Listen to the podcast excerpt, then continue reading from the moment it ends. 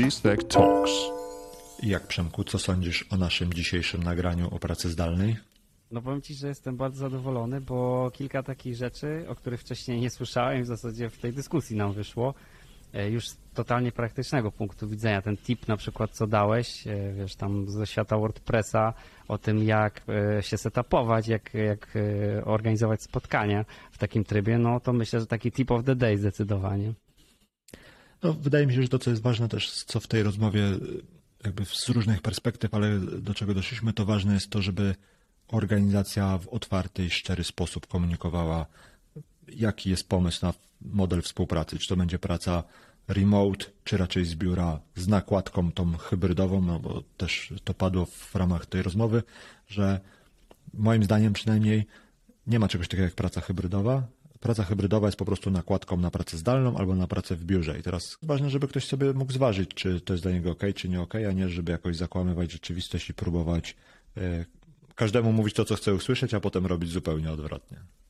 No i myślę, że też lepiej uczyć się na cudzych błędach, więc ciekawe może być to z mojego podwórka, jaki potężny w zasadzie problem spowodowało e, wprowadzenie pracy hybrydowej w nieco nieświadomy wtedy jeszcze sposób. Tak jest, także zapraszamy do przesłuchania całej rozmowy. Peace Talks. Cześć Łukasz. Cześć Przemku. O czym będziemy dzisiaj rozmawiać? Podobno będziemy rozmawiać o pracy zdalnej. Przynajmniej tak się umówiliśmy, a w którą stronę zaprowadzi nas ta dyskusja, to zobaczymy, bo różnie bywa, no nie? A tak się umówiliśmy, to już się tego trzymajmy. Dobrze. E, ja tak się zastanawiam odnośnie pracy zdalnej, bo czy jest tu coś jeszcze do powiedzenia? Już tyle materiałów było, ale jak przeglądałem te materiały, to się zorientowałem, że one wszystkie są w zasadzie o tym samym i dotykają jedynie tematu, czyli trochę o procesie, trochę o podejściu, trochę jak to rozwiązać technologicznie, ale nie trafiłem na takie materiały ten poziom dalej e, odnośnie tego, jak na przykład setupować zespoły,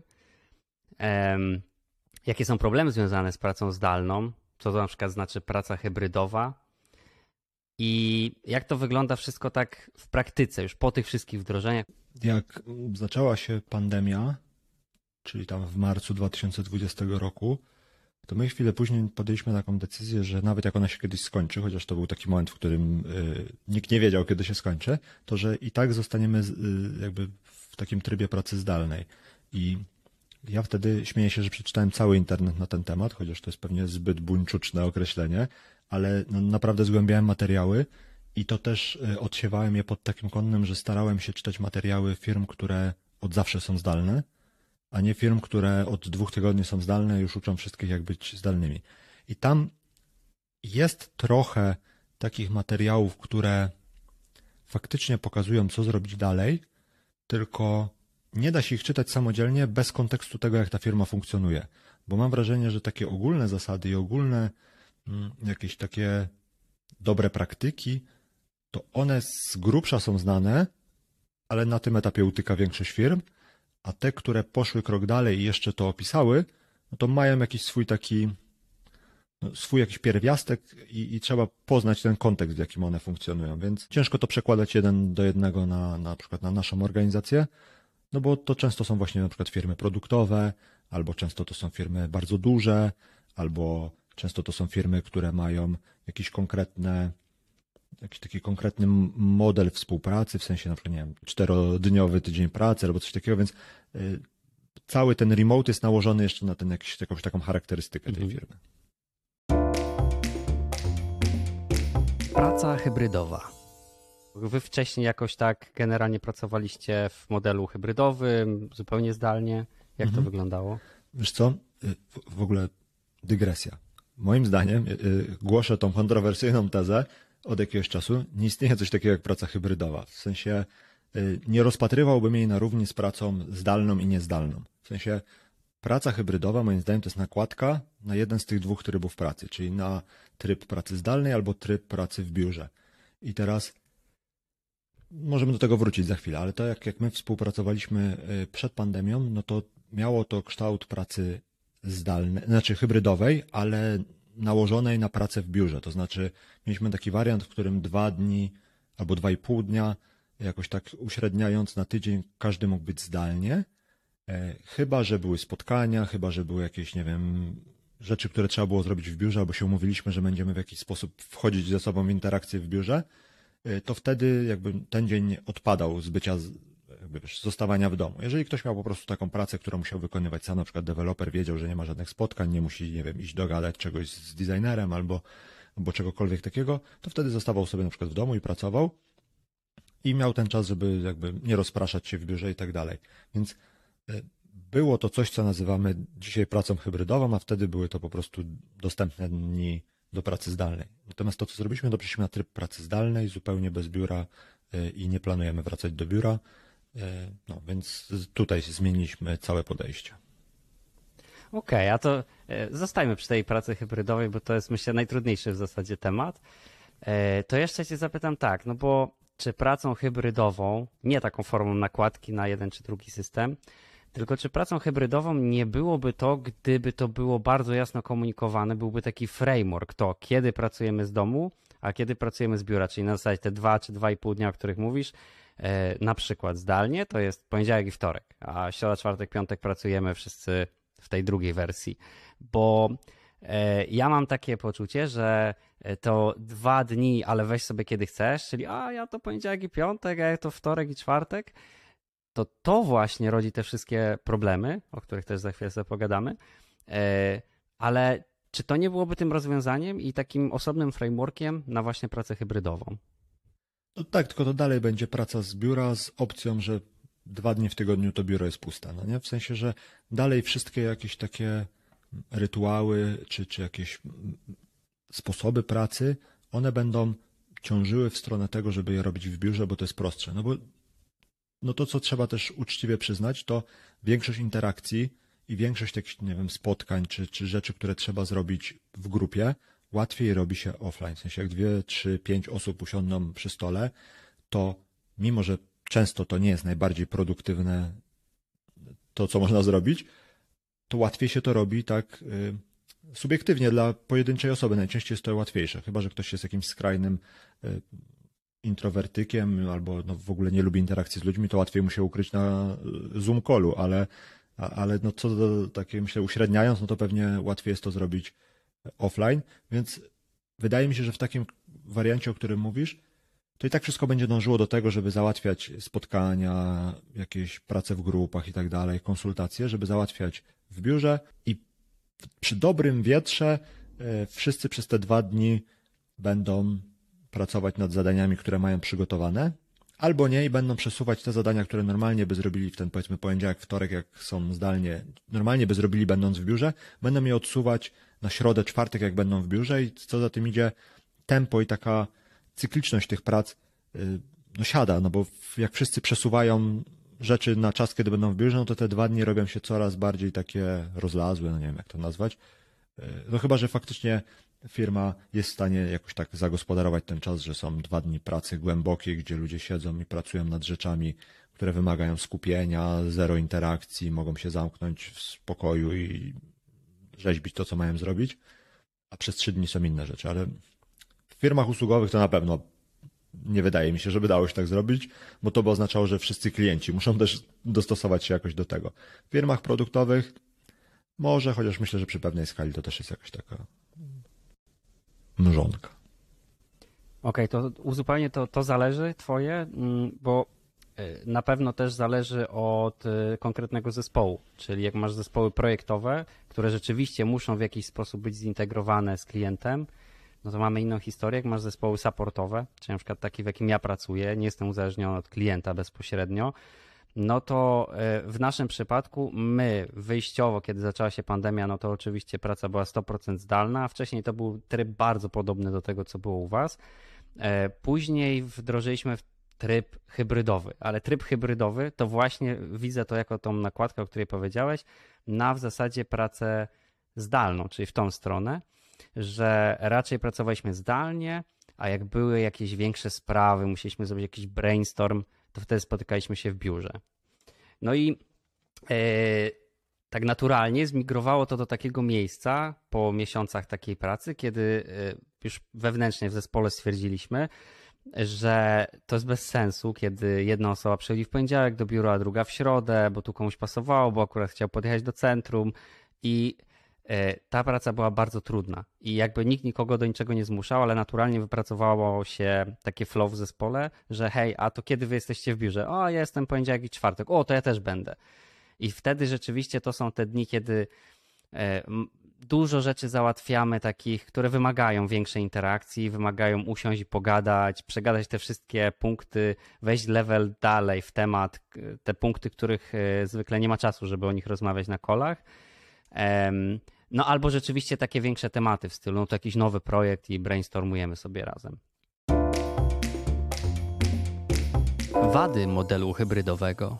Jeszcze tak trochę o może o negatywach tej pracy hybrydowej to e, ja mam bardzo konkretne, ale to chciałbym słyszeć, czy ciebie dotknęło coś takiego, że przez to, że ten tryb był taki mieszany, no to gdzieś w którejś części organizacji zaczęły pojawiać się problemy? Wiesz to szczerze powiedziawszy, to już nie do końca pamiętam, jak to było, no bo to już jest, y, no zaraz będą dwa lata, jak pracujemy w full remote, więc trochę mi się zamazują te wspomnienia.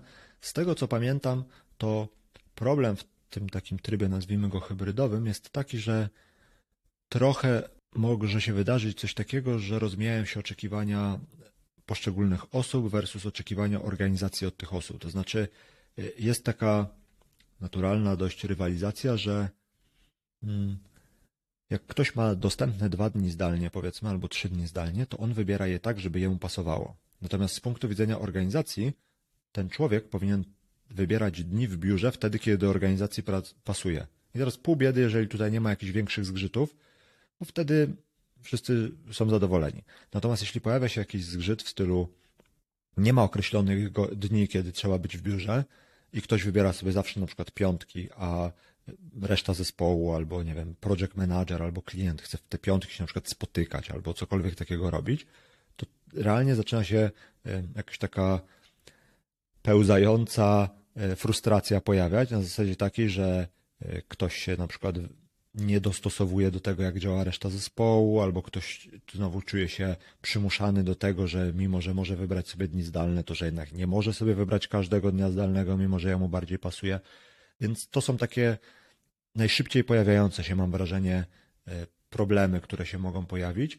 No plus takie problemy w stylu, e, no to już jest bardziej, to są problemy bardziej już pracy zdalnej, stricte, że ktoś w przypadku, w którym zespół wymaga jakiejś synchronizacji, on wybiera inne godziny pracy. Na przykład są osoby, które chcą pracować od 5 do 12, a potem od 19 do 21 albo coś w tym stylu, a zespół chce robić spotkania, nie wiem, o 14, wtedy tej osoby nie ma. No i to są takie problemy, które są już bardziej problemami pracy zdalnej i też przy okazji pojawiają się w pracy hybrydowej, bo do tego jest jeszcze cała ta obecność fizyczna dołożona.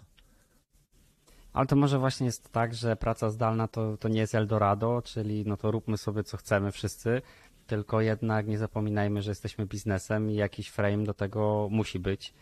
I może to jest tak, że e, no to, co u mnie się stało naturalnie, co zespół sam sobie wypracował, no bo musimy pracować mocno nad efektywnością, jesteśmy małym zespołem z dużymi celami, no to e, po prostu może to jest taka droga, że w jednym zespole, ok, samo się to poukłada, ale w drugim, no niestety trzeba zakomunikować, że Agata, Krzysiu, no po prostu słuchajcie, fajnie, możecie pracować zdalnie tu i tu, ale no mamy ten frame, w te dni musimy być w biurze, bo klient tego wymaga, taki jest biznes. Nie, wiesz co, to wydaje mi się, że to, co mówisz, to jest w ogóle bardzo mądre pod tym względem, że to najgorszego, co może zrobić organizacja, to udawać, że czegoś takiego nie ma i że tak bardzo chce sprzyjać jakby chęciom osób, że albo pomija te tematy i udaje, że nie istnieją i z tego się rodzą wtedy frustracje już w zespole, tak konkretnie na, na linii jakichś dwóch osób na przykład, albo zespołu jednej osoby, albo mm, że zostaje to w jakiś sposób niezagospodarowane i robi się bałagan, no nie? tak najzwyczajniej w świecie. Więc wydaje mi się, że nie ma nic złego w tym, żeby na przykład część organizacji pracowała w trochę innym trybie ze względu na charakter tej pracy, na przykład zespoły właśnie supportowe, albo w przypadku produktów, no to jakiś tam helpdesk albo coś takiego. No bo jeżeli te osoby będą wiedziały, że no okej, okay, nasza organizacja pracuje zdalnie i są elastyczne godziny pracy, no ale sorry, ten dział musi pracować w takim trybie, macie elastyczne godziny w pracy, to znaczy nie narzucamy wam, że pierwsza zmiana zaczyna się o 8, a druga o tam 16, tylko możecie się dogadać między sobą, ale zawsze ma być, nie wiem, ktoś, dwie, trzy, pięć osób, jakiś zespół, który jest dla klienta dostępny. To jest to dużo lepsze niż takie udawanie, że my wszyscy będziemy teraz pracować zdalnie, asynchronicznie, w elastycznych godzinach pracy i w sumie to zamykamy oczy na to, że nie wszędzie to jest do wdrożenia w taki prosty sposób, tak wiesz, z takiego jakiegoś mhm. szablonu. No to powiem ci, podzielę się taką historią od siebie z zeszłego roku, slash w zasadzie z tego, że e, w zasadzie moim zdaniem w dużej części przez e, to dokładnie zjawisko e, straciłem super dobrego pracownika z zespołu. I no oczywiście długo tego nie widziałem. Dopiero jak to się wydarzyło, to tak zacząłem analizować, a jakby co się w ogóle stało. Tak? Postmortem Dlaczego... zrobiłeś. No tak, no bo w ogóle świetny pracownik dowozi, super relacje z resztą zespołu. E, I odchodząc mówi, że w ogóle jestem najfajniejszym szefem, jakiego miał i to jest najfajniejszy zespół, jakim pracował, ale odchodzi. Nie, no jakby o co chodzi, nie? No to jest takie... Co się stało? Tak, co się tutaj stało? No i e, dlaczego e, winię za to siebie w zasadzie, tak? No ale pośrednio dalej pracę hybrydową, no bo okazało się, że rzeczywiście ta osoba zaczęła nam odpływać że e, mieliśmy spotkania fizycznie w biurze, a tej osoby nigdy nie było. I jakby wdzwaniała się oczywiście na takie brainstormy i tak dalej. No ale spróbuj, wyobraźmy sobie taką sytuację, że jest brainstorm, po prostu energia, wszyscy wstają, chodzą po pokoju, piszą mazakiem po ścianach, a ktoś tam wisi na kolu i e, e, to teraz chciałabym coś tam powiedzieć, nie? No to takie rzeczy się po prostu nie sprawdzają. Nie, nie sprawdzają się w takim konkretnym setupie, czyli w zespole takim mocno dynamicznym, który pracuje nad czymś nowym, gdzie jest bardzo dużo takich brainstormów, takich dynamicznych spotkań. No i e, no ten pracownik zaczął się coraz bardziej oddalać od zespołu, od firmy, e, nie miał z nami takich naturalnych interakcji. Ja oczywiście nie naciskałem na te przyjazdy do biura, zresztą to była osoba z innego miasta, więc jakby wyjściowo podszedłem do tego whatever, jakby jak, jak ci wygodnie, tak? I to nie jest tak, że udawałem, że e, problemu nie ma, tylko go rzeczywiście nie widziałem, bo wydawało mi się to naturalne, że jeżeli w takim setupie, w tym zespole, w takiej firmie ktoś chce pracować zdalnie i nie ma potrzeby jechać 200 km na spotkanie z zespołem, no to niech się wdzwoni. No i nie zawsze jest to zdrowe. Nie, wiesz co, to, to czego ofiarą padł twój zespół, to jest właśnie próba takiego, mam wrażenie przynajmniej z tego, co opowiadasz, że to jest próba udawania trochę, że pracujemy remote, mimo że pracujemy offline, w sensie nie remote, no nie? I teraz właśnie ta decyzja, że pracujemy w ten sposób albo w inny i zadecydowanie, co w związku z tym idzie, jakie są kolejne kroki, w sensie skoro ustalamy, że pracujemy remote, to ok, pracujemy i robimy to, to i to, albo że nie, w takim razie robimy to, to i to, prawdopodobnie by trochę rozładowała tą atmosferę pod kątem takim, że każdy by wiedział, na co się pisze, a nie każdy był zostawiony samemu sobie i trochę, wiesz, tak, takie przepychanka, kto w którą stronę przeciągnie na swoją korzyść, no nie? Praca hybrydowa Tip of the Day. Zresztą rozmawialiśmy o tym też poza nagraniem kiedyś, że y, my stosujemy taką zasadę, którą zaczerpnęliśmy od mm, chyba od Automatika, czyli od tych ludzi, którzy tam utrzymują i rozwijają WordPressa, Matt Mullenweg, czyli ten CEO, tam jest takim bardzo gorącym i głośnym orędownikiem pracy zdalnej. Od zawsze są zdalnie i tam jest jakieś już tysiące ludzi, którzy tak pracują rozsianych po iluś tam dziesięciu krajach, że nawet jak są jakieś osoby fizycznie w biurze w tym samym czasie, to jak jest robiony jakiś call, spotkanie, brainstorm, cokolwiek i przynajmniej jedna osoba jest zdalnie, to wszyscy ustawiamy się tak, jakbyśmy byli zdalnie. I my na przykład tak mhm. robimy, że jeżeli zdarza się incydentalnie, że na przykład ja i ktoś jeszcze jest w biurze, to rozchodzimy się po salkach, bo trzecia osoba nie jest w biurze, więc rozchodzimy się po salkach i każdy się wdzwania na Zooma.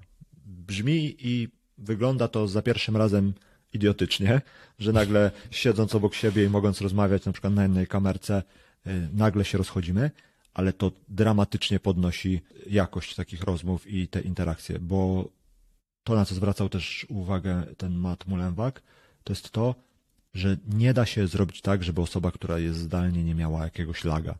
I ten lag powoduje frustrację, bo właśnie to jest to, co mówisz. Dwie osoby rozmawiają, jest jakaś interakcja, coś się zawiesi, przytnie, gdzieś na chwilę stracisz kawałek, bo mikrofon nie zbierze tej osoby, która coś mówi, ktoś coś szepnie do drugiej osoby i ta osoba, która jest zdalnie, w tym setupie, w którym wszyscy inni są offline, czuje się coraz dalej od zespołu, coraz y, czuje, że musi coraz więcej pracy wykonać, żeby się włączyć jakoś w dyskusję, więc naturalnie z czasem coraz bardziej się wycofuje, jeżeli nie ma jakiegoś takiego super wielkiego drive'u do tego, żeby, żeby y, partycypować w spotkaniu.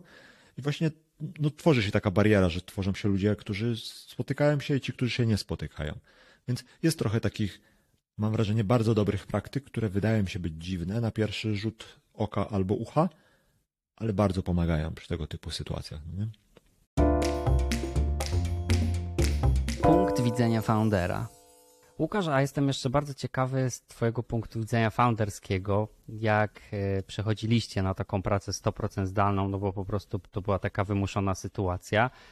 To jak Ty się z tym czułeś jako founder? Bo wiesz, można by sobie wyobrazić, i ja też znam z pierwszej ręki kilka przynajmniej takich osób, takich founderów, które się z tym czuły bardzo źle, bo ta operacja, ten biznes, gdzie ty przychodzisz do biura i patrzysz, a co tam Michał robi, a tutaj co tam ktoś, a tutaj sobie stoją w kuchni i gadają, to można nam pogonić. No to e, czujesz nagle, że tracisz kontrolę nad tym biznesem. Nie? To jest takie powierzchowne, no bo oczywiście są narzędzia, żeby tak się nie stało, ale tak w takiej nawet warstwie, wiesz, czysto emocjonalnej dla ciebie jako foundera. Nie chcę, żeby to brzmiało jakoś tak, że wiesz, jestem ponad tym i tak dalej, ufam ludziom i w ogóle i w ogóle, bo też miałem takie, wiesz, jakieś tam incydentalnie jakieś myśli w stylu, że a co się wydarzy, jak to i się popsuje. Tylko ja nasiągnąłem wcześniej y, wspaniałością pracy zdalnej, y, zanim przyszła pandemia. To znaczy, wiesz, y, hmm. czytałem kiedyś rework y, tych gości od Basecampa, no śledziłem siłą rzeczy przez to, że my robimy WordPressa, to śledziłem też to, co robi Automatic i te wszystkie rzeczy, na przykład podcast Mata Mullenwaga, w którym rozmawia z firmami zdalnymi i tak dalej. Więc my ze wspólnikami mieliśmy taką myśl, że w którymś momencie przejdziemy na, na pracę zdalną. W sensie to był jakiś plan na za ileś lat. W sensie, że dojdziemy do tej pracy zdalnej w taki sposób stopniowy. Pierwszym krokiem, y, który rozważaliśmy, było zrobienie na przykład drugiego biura w innej lokalizacji. To był taki pierwszy naturalny krok, który, przy którym jakby zakładaliśmy, że będziemy musieli przejść na takie metody pracy zdalnej po to, żeby te dwa biura nie stały się dwiema osobnymi firmami, które będą ze sobą rywalizować albo które się w ogóle od siebie odłączą, będą miały zupełnie różne kultury organizacyjne i tak dalej. Dlatego myśleliśmy o tym, że to będzie naturalny krok do tego, żeby się uzdalnić, mimo że będziemy mieli realnie tylko dwa biura i dalej będziemy fizycznie na nich przychodzić przez większą część tygodnia.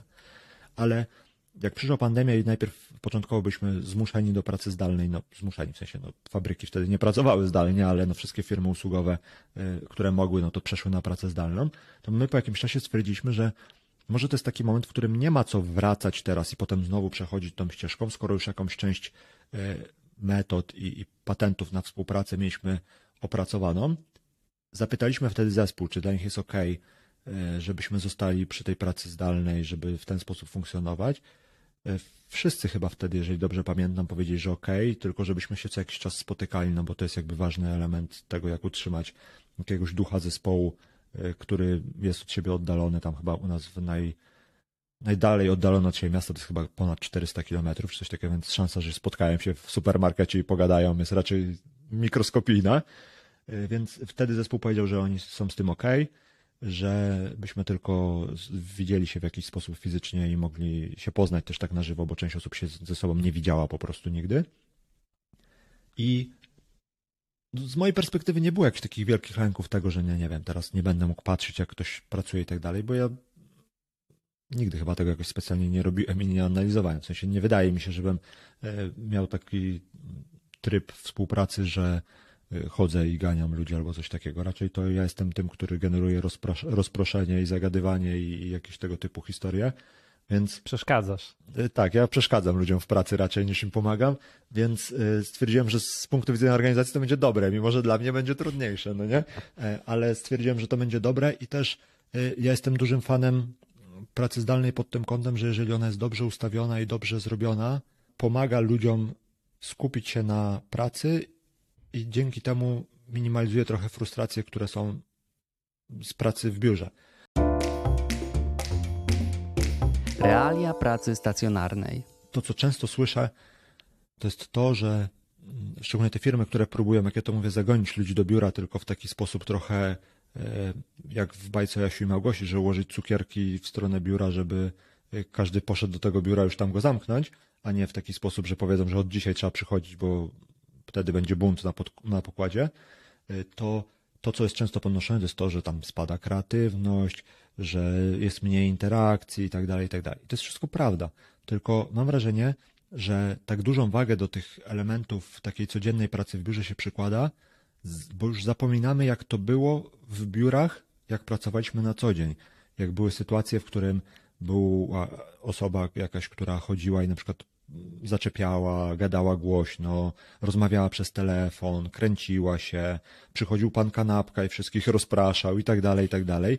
I już nie pamiętamy i też te osoby, które cenią sobie pracę w skupieniu, one też najczęściej mniej krzyczą na temat tego, żeby zostawcie mnie w spokoju, chcę pracować, przestańcie mi tutaj przeszkadzać. I jakby tak, no mówię, zniknęło to trochę z radaru, że to był bardzo duży taki kontrproduktywnościowy element pracy w biurze. To całe zamieszanie, to wszystko, co się dzieje, te takie drobne rozpraszacze, które powodują, że no nie możesz się sfokusować na tej pracy, którą chcesz robić. Więc y, cieszyłem się, że pod tym kątem, że no jakby większą część pracy, którą y, jakby my robimy, no to jest taka praca, w której jest jakaś interakcja, czy to z klientem, czy w zespole, i potem jest 80%, resztę, reszta czasu, czyli 80%, to jest praca, którą trzeba wykonać na przykład samemu, w jakimś skupieniu, albo z niewielką interakcją z innymi. Więc y, no, cieszyłem się, że trochę się zasynchronizujemy. Wyzwania korporacji. Okej, okay, a to ja rozwinę dalej ten temat, no bo e, tak jak na przykład wy jesteście taką firmą, która jest bardzo blisko klienta, tak? Dostarczacie usługi dla klienta, macie z nim spotkania i tak dalej. A powiedz mi, dlaczego myślisz tak trochę może kontrowersyjnie, to powiem, ale że te większe firmy, korporacje, duże organizacje miały z tym tak duży problem bardzo długo przed pandemią, żeby pracować zdalnie, mimo że ludzie, którzy tam pracują, większość osób, która pracuje w takich organizacjach, jednak pracuje przy takich często powtarzalnych czynnościach, robi taką pracę, która właśnie tego skupienia wymaga, a nie wymaga aż tak dużo interakcji z innymi. Czyli wydawałoby się, że w ogóle taka organizacja to jest naj, najlepsze miejsce do wdrożenia pracy zdalnej, najprostsze. A dodam też jeszcze, że takie organizacje, szczególnie dostarczające usługi dla jakiegoś większego klienta, matki za granicą, no to tam się dużo też pracuje na optymalizacji kosztów, tak? Więc kolejny benefit, że ojej, jeszcze jesteśmy tańsi w dostarczaniu tych usług. Jak myślisz, skąd to się bierze, że jest taki paradoks właśnie? W małych firmach, gdzie jest często wymagana ta interakcja, e, praca zdalna nie była problemem, wdrożenie tej pracy zdalnej nie było, a w tych dużych organizacjach odwrotnie. Myślę, że z tego samego powodu, dla którego zawsze w dużych organizacjach jest trudniej wprowadzić zmianę, bo jest tam po prostu więcej osób, więcej sił się ściera i cały ten taki uprocesowiony setup wszystkiego jest trudny teraz do uzdalnienia. Od takich kwestii związanych z security, z kwestiami no też formalno-prawnymi, no bo prawodawstwo w Polsce no, nie wspiera za bardzo pracy zdalnej. Y, więc tutaj jest dużo takich przeszkód, które nawet jeżeli żadna z nich nie jest jakoś tak bardzo duża i nie do przeskoczenia, to ich suma powoduje, że nie ma w takiej dużej organizacji albo ciężko jest znaleźć takie grono osób, które przewalczą ten opór tego, żeby popchnąć całą organizację w stronę zmiany. I no, te duże organizacje z reguły mają taką mikroskopijną zwrotność i to raczej na jakichś takich wysuniętych flankach, a nie w swoim centrum, więc to raczej brzmi jak jeden zespół się wyemancypuje i spróbuje coś funkcjonować i dlatego, że tam lider wywalczył, że jego zespół będzie tak pracował teraz i zostawili go w spokoju, bo to ważny zespół i tym podobne, bo nie wierzę, że od wnętrza organizacji mm, takie coś wyjdzie, bo też nikomu na tym nie zależy, no wiesz, to w sensie jaka jest zachęta dla, dla no nie wiem, jakichś zarządzających taką dużą organizacją, żeby teraz podejmować dość ryzykowną operację uzdalniania całej firmy po to, żeby zaoszczędzić realnie trochę na jakimś y, najmie biura, trochę może na sprzęcie, chociaż też nie wiadomo, czy, czy na pewno, bo to pewnie z czasem dopiero jakieś takie porównania wyjdą, czy to faktycznie na, na tym się oszczędza. No, dla nich, jeżeli organizacja dobrze funkcjonuje i nie ma jakichś takich zagrożeń, no to trwanie w statusie quo jest najlepszym, co mogą zrobić, bo to zachowuje ich pozycję i no jakby są bezpieczni na swoim stanowisku. No, to są ludzie, którzy są najemnymi jakimiś zarządzającymi. Oni są po to, żeby minimalizować ryzyko, a nie po to, żeby maksymalizować jakiś upside, który może się wydarzyć. Pewnie też kwestia, jak są wyznaczone cele organizacji, no bo one raczej nie są wyznaczone na ten extra effort, tylko są wyznaczone na ten stabilny wzrost i po to, żeby bezpiecznie organizacja przyniosła to, co ma przynieść w danym okresie. No ale zobacz, bo to też jest często tak, to nie wiem jakie ty masz doświadczenia, ale wydaje mi się, że pewnie możesz mieć jeszcze większe niż ja, że te firmy takie, o których ty mówisz, czyli wszystkie BPO czy SSC, mm, których nie jestem fanem, ale to jest temat na inny odcinek, y, to, to są organizacje, które są bardzo mocno, mam wrażenie, w takim ciągle folwarcznym stylu prowadzone. W sensie, że to jest tak, że nikt tam, znaczy może wewnętrznie jest próba tego, żeby w jakiś sposób to pokazać z innej strony, ale mam wrażenie, że w centralach i w tych jakby firmach matkach nikt tam się specjalnie nie kryje z tym, że to są firmy czy też oddziały, które są zrobione po to, żeby było taniej i jest to wszystko pod kątem optymalizacji właśnie kosztów robione, że im nie zależy, żeby z tych firm nie wiadomo co wyrastało i żeby one były nie wiadomo jak, nie wiem, sprawne, innowacyjne i tak dalej, i tak dalej. Chodzi o to, żeby to trwało, żeby na ileś lat generowało zysk w postaci zmniejszenia kosztów jakiejś części operacji i tyle. I muszą osiągać maksimum globalne, a nie lokalne.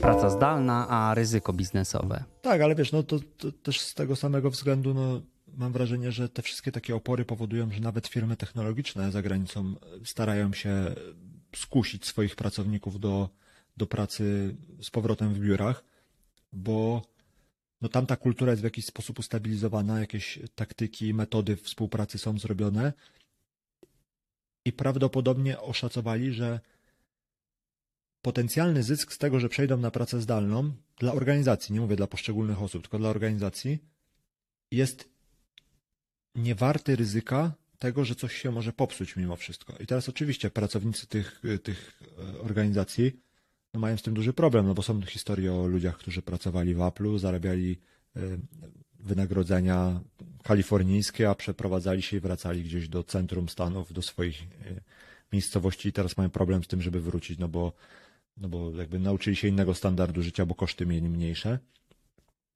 Ale no takiemu Apple'owi na przykład nie zależy na tym, żeby e, teraz optymalizować wszystko pod dobrobyt tych pracowników, tylko im zależy na tym, żeby te utarte schematy czy procedury, które funkcjonowały do tej pory, na przykład pod kątem bezpieczeństwa czy jakiegoś e, dostarczania na czas rzeczy, żeby one dalej były kontynuowane, bardziej niż na tym, żeby teraz wychodzić z punktu widzenia tego, że pracownikom jest lepiej i przemodelowywać różne procesy wewnątrz firmy, szczególnie w przypadku takich firm, w których e, no to security realnie jest ważne, no nie? W sensie, że to nie jest firma, która skanuje faktury i ich wyciek no jest problematyczny, ale mówmy się, no to są często faktury firm, które są giełdowe i większość jakichś parametrów i tak da się z tego wyczytać, tylko są firmy, które no, generują jakieś bardzo duże innowacje, i tam jeszcze dochodzi cały ten wątek geopolityczny związany z rywalizacją, czy to z Chinami, czy z jakimiś innymi państwami.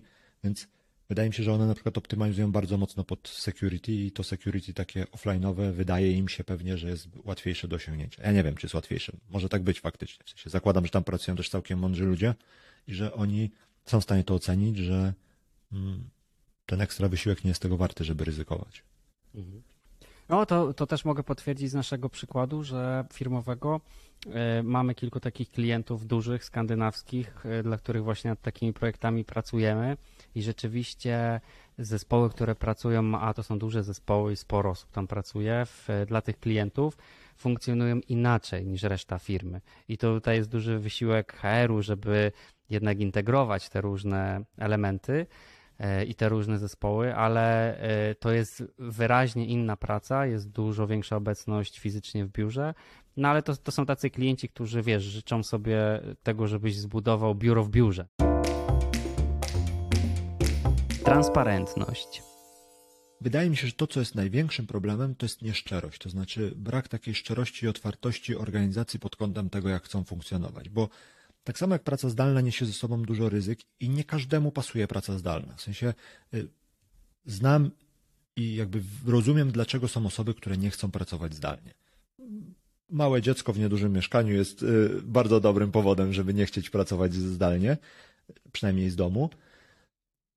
I teraz to, co mi się wydaje trochę by uzdrowiło całą sytuację, jest to, jakby firmy jakby zadeklarowały, jaki model współpracy przyjmują po to, żeby współpracownicy w tych firmach wiedzieli, na co się piszą. I to moim zdaniem by rozwiązało bardzo dużo problemów, bo jeżeli firma by wprost mówiła i komunikowała, słuchajcie, teraz pracujemy zdalnie, bo takie są, nie wiem, zalecenia tam sanitarne czy cokolwiek, ale jak sytuacja się opanuje, to będziemy pracować w jakiejś części z biura, najprawdopodobniej w takim i w takim modelu, czy to jest dla ciebie dobre. Albo tak jak my na przykład komunikujemy na rekrutacjach, jak ktoś pyta, czy e, no nie wiem, to, to, się, to jest często pojawiające się pytanie, na przykład jak rozmawiamy z kimś gdzieś z drugiego końca Polski i ktoś się pyta, no okej, okay, ale jak się skończy pandemia, to ja będę musiał przyjeżdżać do biura w Łodzi. Mówimy, nie, nie, nie, wręcz przeciwnie, nie możesz przyjeżdżać do biura w Łodzi, bo tego biura zakładamy, że go nie ma, no nie? W sensie, że to nie jest tak, że, że jak chcesz, to możesz tu przychodzić, tylko no możesz, jeżeli jesteś z Łodzi, ale to nic nie zmienia. W sensie to dalej będzie praca zdalna. No nie? To nie jest tak, że się możesz z kimś umówić w biurze i ten ktoś będzie tu przyjeżdżał i będziecie robić sobie spotkania.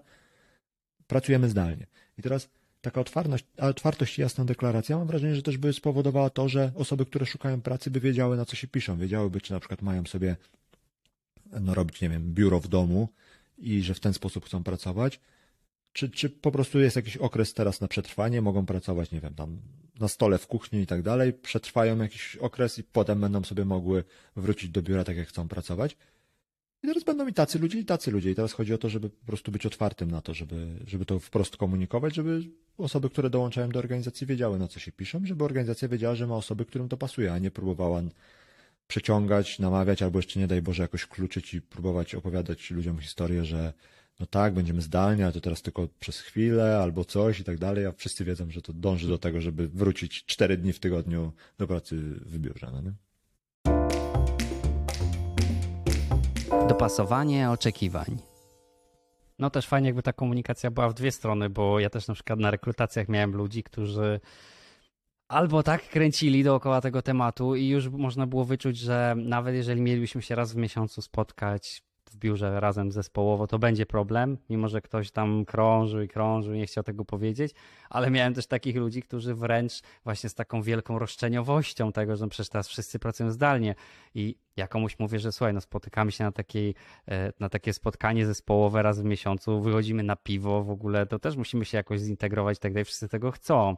No i wiesz, wręcz z taką agresją się spotykałem, że w ogóle co ty opowiadasz, przecież jest pandemia, nie wolno i koniec świata. No i, i też było tak, że to byli całkiem nieźli specjaliści, no ale nie podjęliśmy współpracy właśnie z tego względu.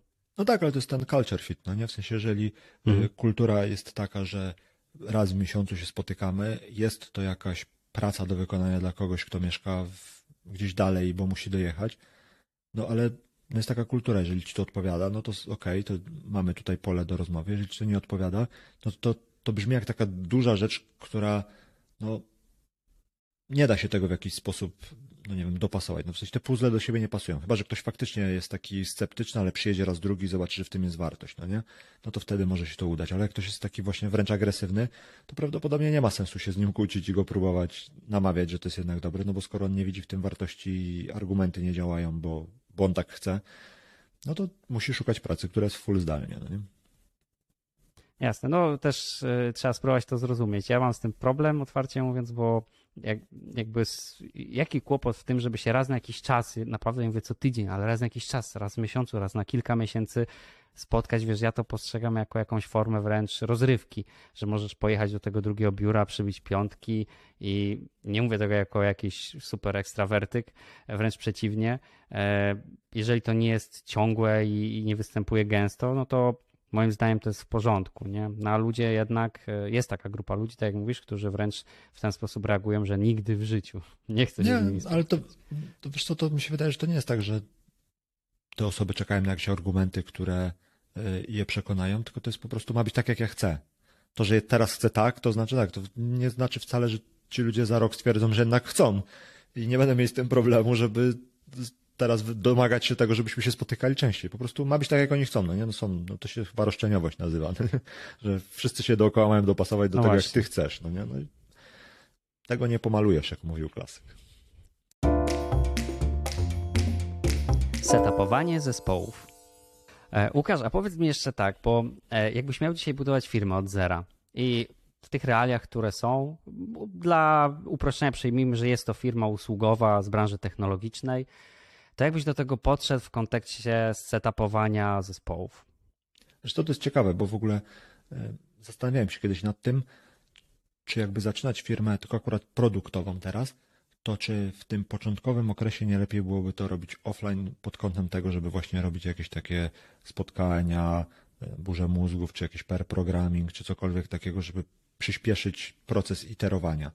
Ale jeżeli miałbym Mhm. e, jakby zbudować nową firmę usługową, to robiłbym ją zdalnie na pewno i robiłbym ją od początku ze wszystkimi takimi dobrymi praktykami, które e, mają większe firmy.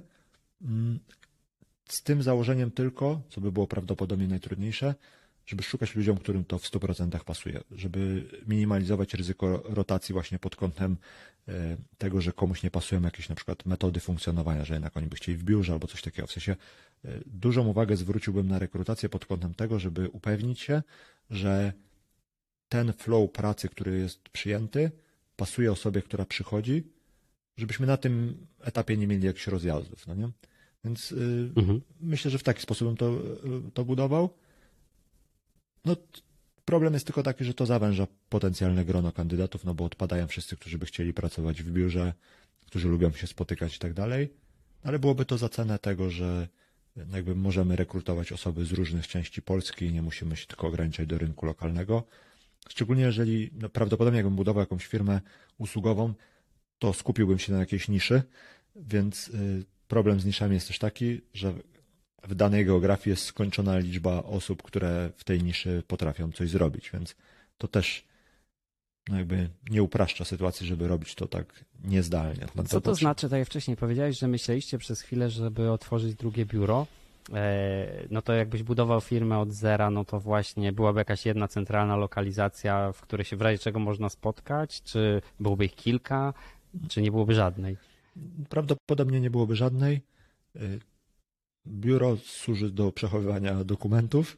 Y, To jest chyba jego główna funkcja. Nie, myślę, że nie byłoby żadnej, szczególnie jeżeli by to była na początku mała organizacja, to wydaje mi się, że wszelkiego rodzaju takie branie na siebie jakichś najmów, biur i tym podobnych to jest potencjalnie ryzyko. Jeżeli jest taka potrzeba i ktoś nie ma możliwości pracować w domu, bo coś się zmieniło, to raczej bym rozważał wszelkiego rodzaju coworki, czy tam biura takie nie wiem jak to się nazywa, prywatne, czy jakoś tak w, w ramach coworków i taką większą elastyczność w tym zakresie, y, niż y, właśnie budowanie jakiejś sieci biur i tak dalej, bo wydaje mi się, że to jest taki, znaczy, wydaje mi się, że to jest dobre i przydatne i to sprzyja integrowaniu, że na przykład jest jakieś biuro w danym mieście, jest kilka osób i mogą się tam spotkać i tak dalej, tylko to jest taki nice to have, który szczególnie na początku funkcjonowania firmy, y, no jego koszt jest nieuzasadniony tym, że, że jakby zyski są nieproporcjonalne do, do kosztu, więc no tutaj też pod tym kątem na to patrzę, że, że fajnie by to było mieć, no ale no dużo jest nice to have'ów w życiu i no niestety nie można mieć wszystkich. Funkcja biura. To Tak. też na pewno zmieniła się funkcja biura, no bo coraz więcej firm, też moja obecna, podchodzi do tego tak, że biuro ma być takim centrum integracji, czyli nawet przestrzeń jest aranżowana w ten sposób, że e, możesz z niego korzystać po godzinach, możesz z niego korzystać kiedy chcesz, ale jak masz ochotę sobie zor- zorganizować imprezę z kolegami tam o 20 w piątek, no to proszę bardzo, nie? To możesz przyjść i się dobrze bawić. E, tak jest po prostu jakby organizowane też z punktu widzenia security, że są takie przestrzenie, w których możesz to zrobić.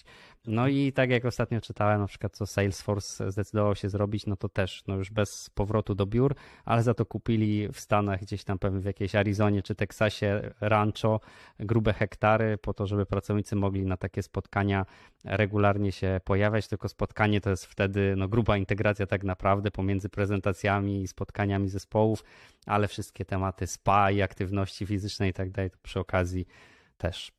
No tak, wiesz, to, to trochę się zmienia ta funkcja biur, w sensie przynajmniej w tych firmach technologicznych, którym zależy jakby gdzie mm, jakby ludzie, którzy mogą pracować, bo jakby mają te kompetencje, tych ludzi jest dużo mniej niż potrzeb. To jest jakiś taki dodatkowy benefit i wcale się nie dziwię, że te takie ruchy, które na przykład u was się pojawiają, czyli że biuro jako takie miejsce współpracy, kolaboracji, że, że to jest uzasadnione w jakiś sposób, no bo macie też lokalnie już zatrudnioną jakąś grupę osób, która pracuje.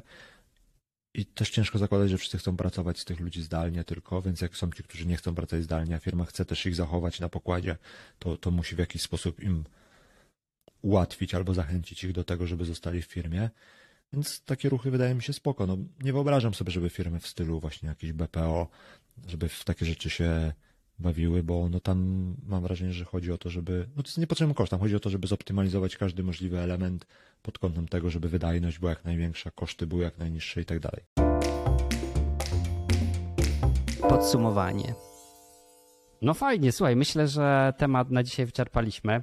Także może zróbmy krótkie podsumowanie. Jeśli chciałbyś powiedzieć, co z dzisiaj, takie bullet pointy, co, co najważniejsze, co udało nam się przedyskutować. Wiesz co, to co wydaje mi się, że jest najważniejsze z tej dyskusji, co też jakby potwierdzają nasze świadectwa, to jest to, że ważne jest, żeby firma w sposób otwarty i szczery komunikowała, jaki tryb i model pracy planuje albo ma już wprowadzony, albo planuje wprowadzić, bo bez tego no, ciężko potem rekrutować poszczególne osoby albo rozmawiać z obecnymi już współpracownikami. To jest pierwsza rzecz. Druga rzecz jest taka, że są firmy, które nigdy prawdopodobnie nie pójdą w tryb pracy zdalnej i to jest ok. Trzeba się z tym liczyć nakład pracy, żeby uzdalnić taką firmę jest na tyle duży, że prawdopodobnie nikt nie podejmie takich kroków, żeby to zrobić. Myślę, że duży temat ten z początku, czyli praca hybrydowa, że okay. w zasadzie coś takiego nie istnieje, a jeśli istnieje, to jest obarczone dużym ryzykiem, że coś tutaj się nie uda. E, I że de facto, tak cytując Ciebie, no to praca hybrydowa jest nakładką albo na pracę stacjonarną, albo na pracę zdalną. A jeśli już się na coś takiego decydujemy, no to lepiej byłoby jednak też uczciwie, ale jasno komunikować, że e, framework jest taki, czyli pracujemy w tym wymiarze zdalnie, w tym wymiarze z biura. Jest to podyktowane potrzebami biznesu, a nie moim widzimisię. Wydaje mi się, że koniec końców każdy liczy się z tym, że, albo mam przynajmniej taką nadzieję, może jestem za dużym optymistą w tym temacie, ale że każdy jest człowiekiem i rozumie, że inny człowiek też może mieć jakieś potrzeby. I teraz, jak się mówi o tych potrzebach w miarę otwarcie i w miarę wprost, to łatwiej jest też drugiej stronie, której na przykład to się nie podoba albo nie do końca się podoba, pogodzić się z tym właśnie wiedząc dlaczego to robi. Słynne dlaczego. Tak, ale to, to tak podsumuję takim cytatem Jima Rona, że jeśli dlaczego staje się mocniejsze, jak staje się łatwiejsze. Bardzo ładne. Mądrze tym, zakończymy. Tak, tym pozytywnym akcentem możemy zakończyć. Dzięki wielkie, trzymaj się, pa. Do zobaczenia, hej. Hej. Peace Talks.